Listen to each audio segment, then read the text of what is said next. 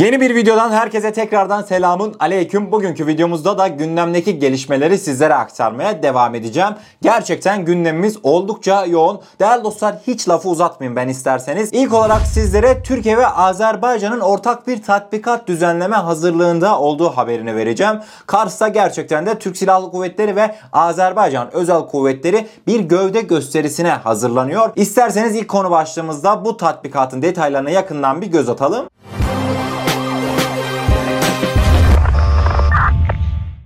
Türk Silahlı Kuvvetleri son dönemin en kapsamlı kış tatbikatına hazırlanmakta. 1 ile 12 Şubat tarihleri arasında Kars'ta gerçekleştirilecek kış 2021 tatbikatına Azerbaycan Silahlı Kuvvetleri unsurları da katılacak. Tatbikatta birliklerin derin kar ve şiddetli soğuklarda atış dahil muharebe imkan ve kabiliyetlerinin denenmesi, kış şartlarında arazide yerleşme, barınma, ikmal ve bakım faaliyetlerinde eğitim seviyesinin geliştirilmesiyle komuta kontrol sistemlerinin işletilmesinin sağlanması da tatbikatın amaçlarından bir tanesi. Hava hücum harekatı, havadan atma harekatı, hava ulaştırma ve lojistik destek faaliyetlerinin yerine getirileceği tatbikatta tank bölükleri, topçu bataryaları, havan takımlarının yanı sıra keskin nişancı timleri, özel kuvvetler komutanlığı personeli, komandolar ve helikopterler görev alacak. Her sene bilirsiniz kış mevsimi geldikten sonra özellikle de Türk Silahlı Kuvvetleri doğu bölgelerinde, doğu bölgesindeki illerimizde çok yoğun bir tatbikat tatbikat hazırlığına girişir.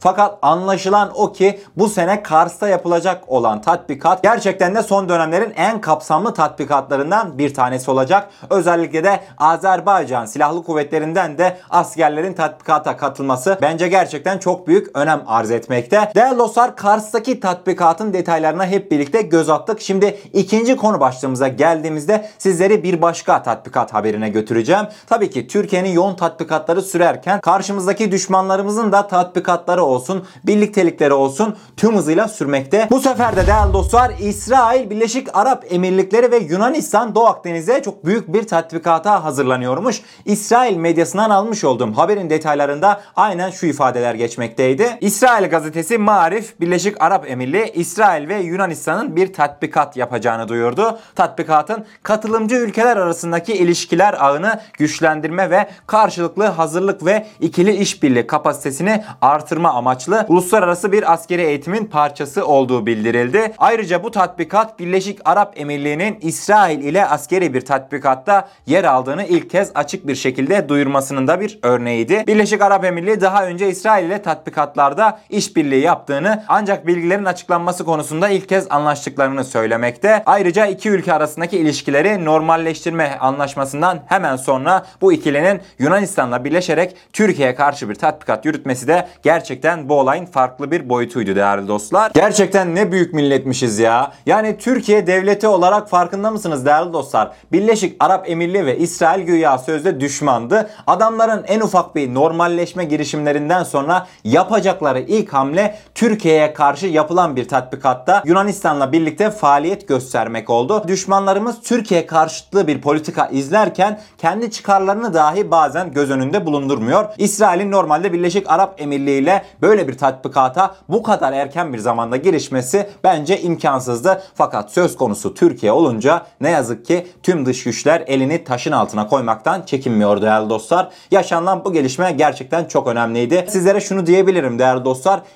2021 yılı bana kalırsa özellikle de Doğu Akdeniz bölgesinde bir tatbikat Navtex yılı olabilir. Biliyorsunuz zaten Türk donanması da çok önemli bir Navtex ilan etmişti. Bu tatbikat da hemen Navtex'ten sonra gerçekleşeceği için bundan sonra da büyük ihtimalle Türk Silahlı Kuvvetleri ayrı bir tatbikatla karşılık verecektir. Doğu Akdeniz'de yaşanılan tüm gelişmeleri takipteyiz. Umarım ülkemiz için hayırlısı olur değerli dostlar. Üçüncü konu başlığımıza geldiğimizde Mevlüt Çavuşoğlu'nun önemli açıklamaları oldu. Mevlüt Çavuşoğlu Pakistan'la yapılan işbirliklerine değindi. Devamında da hatırlarsınız Pakistan'a atak helikopterleri anlaşmasını imzalamıştık. Pakistan'a yaklaşık 40-50 tane atak helikopteri ihraç edecektik. Fakat ne yazıktır ki atak helikopterlerinin motor motorları Amerika'dan geldiğinden ötürü böyle bir ihracata girişememiştik. Mevlüt Çavuşoğlu bu konuya da değindi. İsterseniz 3. konu başlığımızdaki haberin detaylarına yakından bir göz atalım. Dışişleri Bakanı Mevlüt Çavuşoğlu Pakistan'a ilişkin gerçekten çok önemli açıklamalarda bulundu. Çavuşoğlu dedi ki Pakistan'la Mil'den denizaltısı başta olmak üzere savunma işbirlikleri artacak.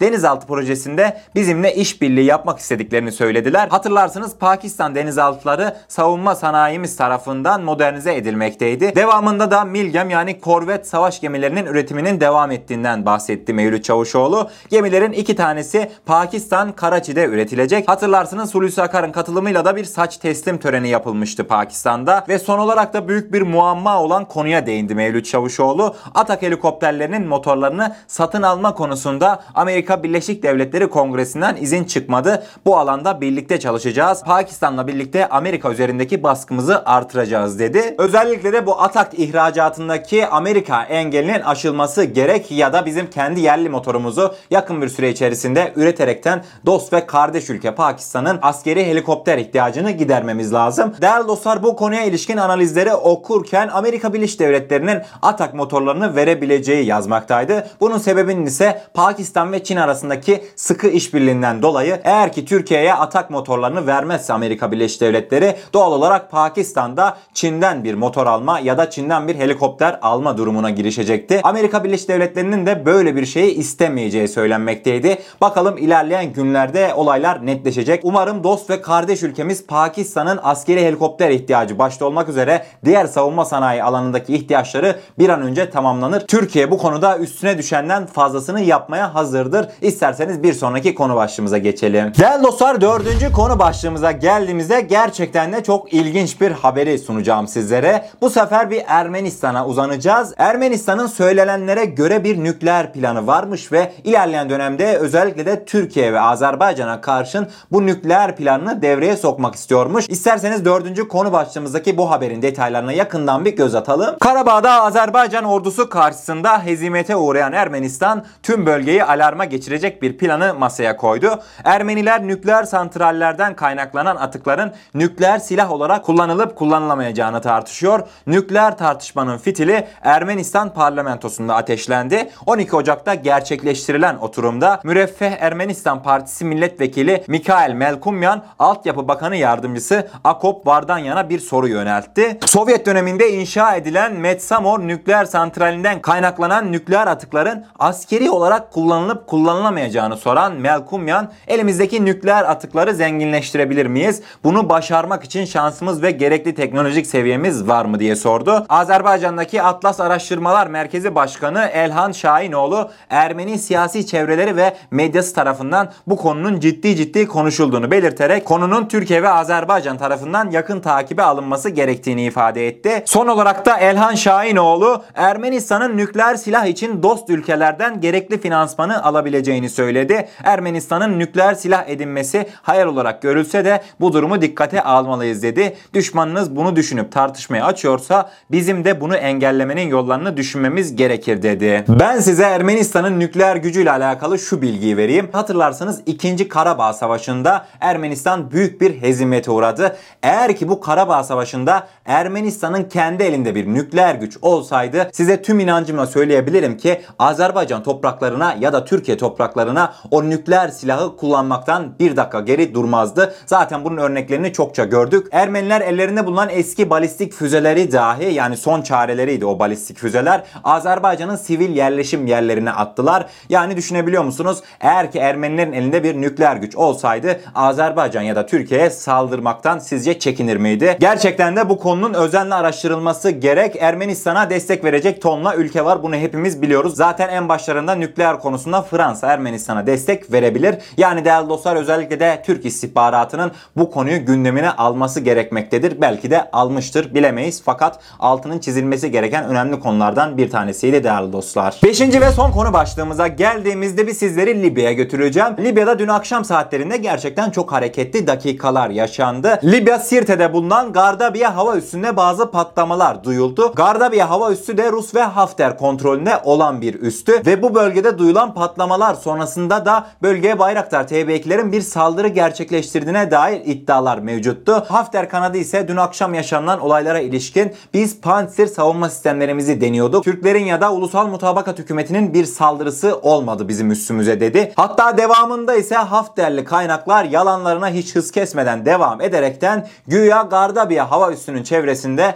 Pantsirlerin aktif edilerek bir Türk İHA'sını, Türk siyahsını düşürdüğünü yazdılar. İsterseniz Türk siyahlarını düşürdük diye paylaştıkları görsele yakından bir göz atalım. Değerli dostlar görmüş olacağınız üzere dün akşam saatlerinde Libya Gardabiya hava üssünde patlama sesleri duyuldu. UMH'li kaynaklar Bayraktar TB2'lerin bir saldırı gerçekleştirdiğinden bahsetti. Fakat Hafter kaynakları ise Pantsirlerin bu saldırılara bir cevap verdiğini ve Türk İHA'sını düşürdüğünü söyledi. Göreceğiniz üzere düşürmüş oldukları Türk İHA'sı da buymuş. Sizlere şunu sormak istiyorum. Türkiye'de böyle bir İHA üretildi de bizim mi haberimiz yok? Gerçekten Hafter kaynakları yani bir insan yalan söyleyecekse dahi bir araştırır. Türklerin elinde gerçekten böyle bir İHA var mı diye. Fakat göreceğiniz üzere karşımızdaki düşman hiçbir şekilde bunu dahi düşünememekte. Sözde düşürdükleri Türk siyasının görüntüleri ise hatırlarsınız Tarhune operasyonu vardı yaklaşık bir sene önce. Tarhune bölgesine düşürülen bir Çin İHA'sına aitti bu görüntü. Değerli dostlar kısacası Libya'da İlerleyen dönemde çok hareketli günler bizi bekliyor olacak. Hafter kaynaklarının söylemleri de zaten bizim bu iddialarımızı doğrulan nitelikte. Gardabiye üssü gerçekten çok önemli. Zaten bu üssün Sirte'de bulunması da stratejik olarak ne derece önemli olduğunu kanıtlıyor. Yani size şunu diyeyim. Ulusal Mutabakat Hükümeti ve Türkiye'nin olası bir operasyonu ilk Sirte'ye yönelik olacaktır. Nasıl ki Trablus operasyonundan sonra Türk ordusu ve UMH ordusunun ilk hedefi büyük bir stratejik üstünlük elde edebileceklerini düşündükleri El Vatiye hava üssü olduysa Olası bir Sirte operasyonunda da bu Gardabiye hava üssü Türk Silahlı Kuvvetleri ve UMH güçlerinin hedefinde olacaktır. Gerçekten Libya'da çok sıcak günler yakın değerli dostlar. İnşallah hayırlı ve güzel haberleri de sizlere sunarım. Bugünkü gelişmeleri sizlere aktardım. Umarım doğru bir şekilde anlatabilmişimdir. Eğer kanalımıza ilk defa gelmekteyseniz kanalımıza abone olarak bizlere destek olabilirsiniz.